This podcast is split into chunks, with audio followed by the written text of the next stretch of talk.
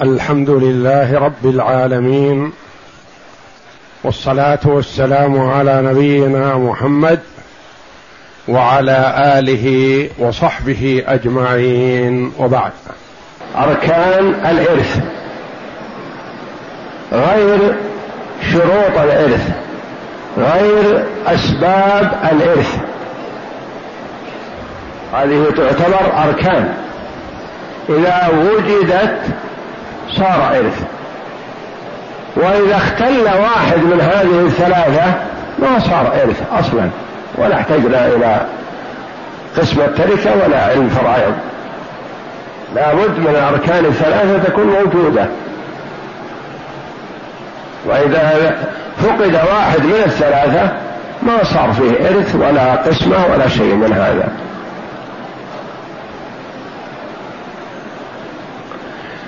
الأركان جمع ركن ركن وركن وركن تسمى أركان.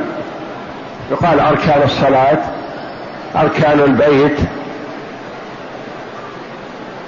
أركان الخيمة أركان كذا. كل عمارة كل شيء قائم لا بد له أركان. إذا تعريف الركن في لغة العرب جانب الشيء الأقوى. بخلاف الشرط الشرط دونه في المنزلة. أما الركن جانب الشيء الأقوى. وهو في الاصطلاح جزء الماهية. انتبه لهذه. ما بينهما تخالف.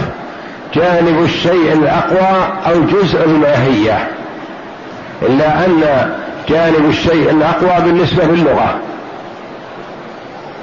وفي اصطلاح الأصوليين الركن هو جزء الماهية.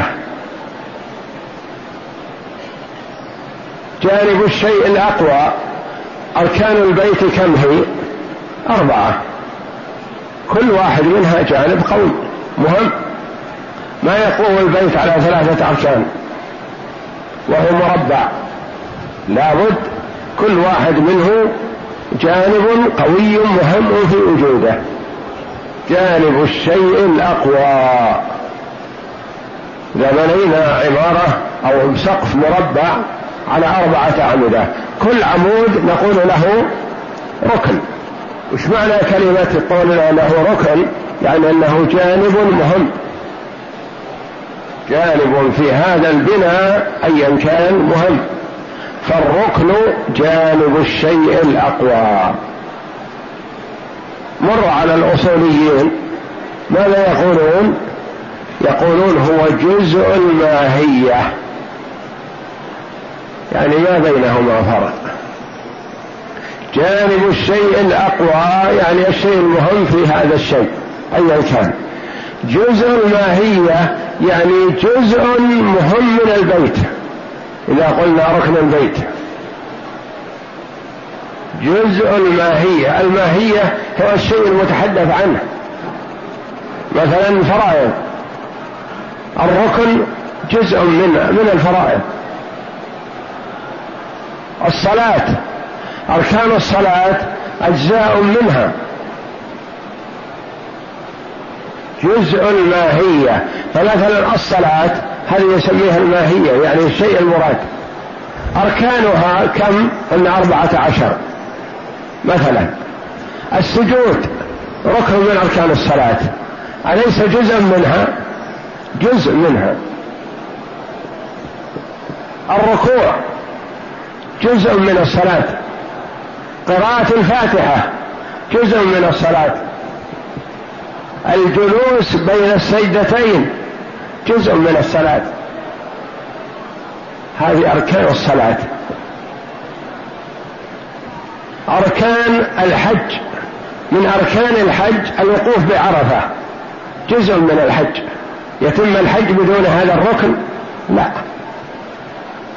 من أركان الحج الطواف بالبيت فالطواف جزء من الحج شيء منه. السعي جزء من الحج. الدخول في النسك ركن من أركان الحج مثلا نية الدخول في النسك. لو ما نوى الدخول في النسك يكون له حج لا. إذا الأركان هي أجزاء للماهية والماهية الشيء المتحدث عنه. الحج يقول ماهية الصلاة ماهية التوريث الإرث ماهية يعني الشيء المراد.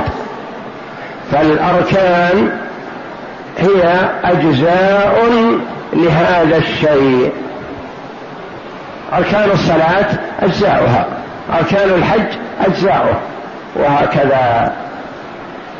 فعندنا تعريف لغوي يعني في لغة العرب يقولون فلان ركن في هذا الاجتماع مثلا.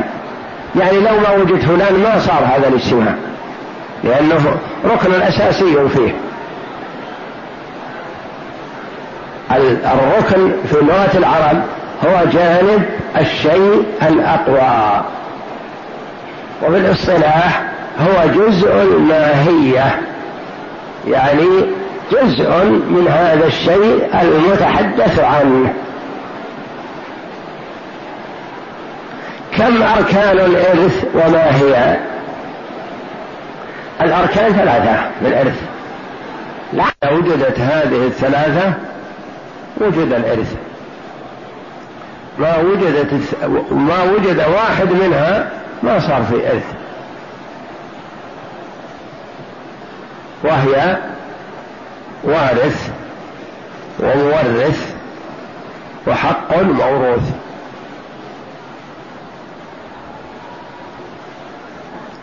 وارث ومورث وحق موروث. المورث هذا هو الميت. ما مات. يصير في إرث؟ لا. يقول تعالوا نتوارث مال فلان. فلان حي ولا ميت؟ قالوا لا حي. كيف نتوارث ماله؟ ما يسوق لا عقلا ولا شرعا. وهو حي. إذا لابد من وجود مورث الذي هو الميت. الركن الثاني الوارث. الوارث. إذا مات ميت. وخلف مئة ألف. لكن ليس له وارث. هل نحتاج إلى التوريث؟ لا مئة الألف هذه تدخل بيت المال. لأنه ما فيه ما في وارث. فلا بد من مورث ووارث. الثالث حق موروث. مات الميت. ورثته خمسة عشر. كل واحد جاء مسرع. يريد نصيبه. فتشنا في داره ما وجدنا فيها إلا سواك واحد. نقسمه بينهم. ما في حق موروث. بل ما في ولا سواك. ما لقينا شيء. إذا ما في ميراث يرجعون بلا شيء. فيه مورث الميت مات. وفيه وارث ورثة كفر لكن ما فيه مال. ما عنده شيء. يحتاج إلى فيه توريث عندنا الآن؟ لا. هذا ما في حق موروث ما في شيء. فالأركان إذن أركان الإرث ثلاثة. مورث ووارث وحق موروث إذا وجدت هذه الثلاثة وجد الإرث. نظرنا في من يأخذ السدس من يأخذ الثمن من يأخذ الثلث نصيب كل واحد. لكن إذا فقد واحد من هذه الثلاثة ما نظرنا في البقية لأن اختل الركن ما وجد شيء. أي واحد من هذه الثلاثة إذا اختل ما صار إرث حينئذ. إذا أركان الإرث هذه تسمى.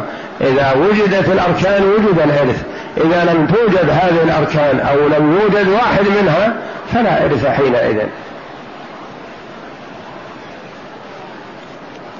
اقرأ. قال المؤلف رحمه الله تعالى أركان الإرث ما معنى الركن لغة واصطلاحا؟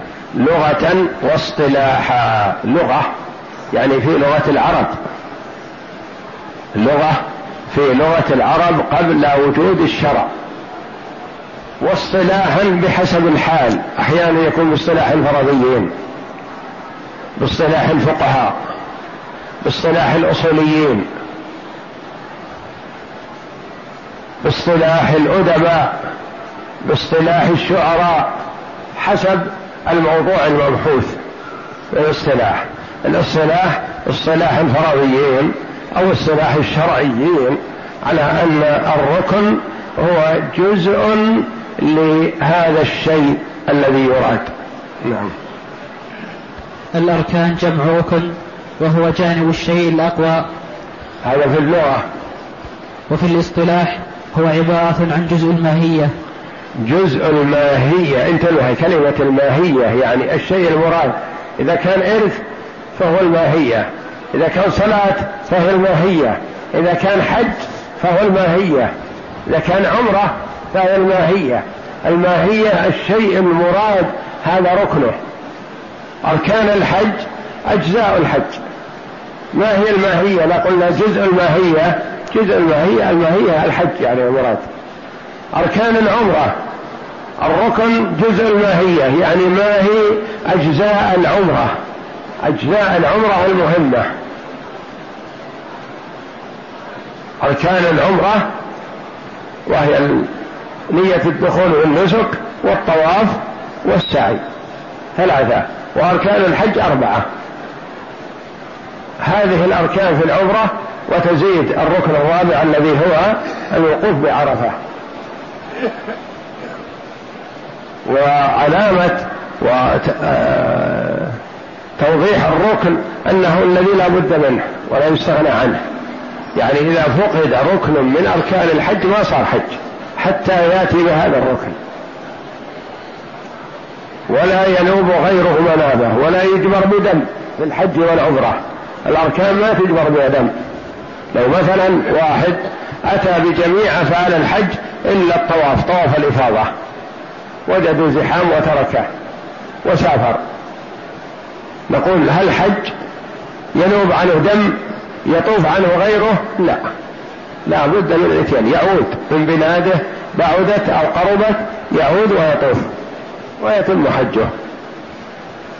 أركان الحج أربعة وأركان العمرة ثلاثة وأركان الصلاة أربعة عشر وأركان الإرث ثلاثة. نعم. كم أركان الإرث وما هي؟ أركان كم يسأل بها عن العدد. وما هي يسأل فيها عن التفصيل والبيان. لقل كم أركان الإرث؟ إذا قلت ثلاثة خلاص أجبت. لأنه سألك بكم؟ التي للعدد وإذا قال كم أركان الإرث وما هي؟ وقلت ثلاثة فقط وسكت ما تكون أجبت. أجبت عن العدد ولم تجب عن الماهية والشيء المراد ما هي نعم. أركان الإرث ثلاثة. وهي وارث ومورث وحق موروث. الوارث الذي يريد الوراث الذي خلفه الميت. والمورث الميت الذي مات وترك المال. والحق الموروث هو التركة. ثم يأتي شروط للوارث والمورث والحق الموروث يأتي لها شروط. فالشروط غير الأركان. يعني الأركان لا بد منها ولا يتم الشيء إلا بها والشروط قد يستغنى عن بعضها مثل أركان الصلاة وشروط الصلاة. أركان الصلاة مثل السجود والركوع والقيام وقراءة الفاتحة هذه لا يستغنى منها ولا يستغنى عنها بحال من شروط صحة الصلاة الطهارة. ما وجد ماء ينوب عنه التيمم. ما وجد ما ولا أمكن يتيمم ما أمكن. مكتف يديه إلى جسده ما يستطيع يتحرك أسره الأعداء وربطوه وما يستطيع. لا يتوضأ ولا يتيمم. ولا يركع ولا يسجد. ماذا يفعل؟ يصلي حسب حاله بالإيمان فهي وارث ومورث الذي هو الميت وترك المال والحق الموروث الذي هو المال. هذه الثلاثة هي أركان الإرث. فانتبه لها وافرق بينها وبين الشروط التي ستأتينا إن شاء الله. الأركان ثلاثة. والشروط ستأتينا هي ثلاثة كذلك لكن فرق بين الأركان والشروط. الركن جزء الماهية الركن جانب الشيء الأقوى. الشرط لا بد من وجوده وإن عدم فله تأويل آخر. والله أعلم وصلى الله وسلم وبارك على عبد ورسول نبينا محمد. وعلى آله وصحبه أجمعين.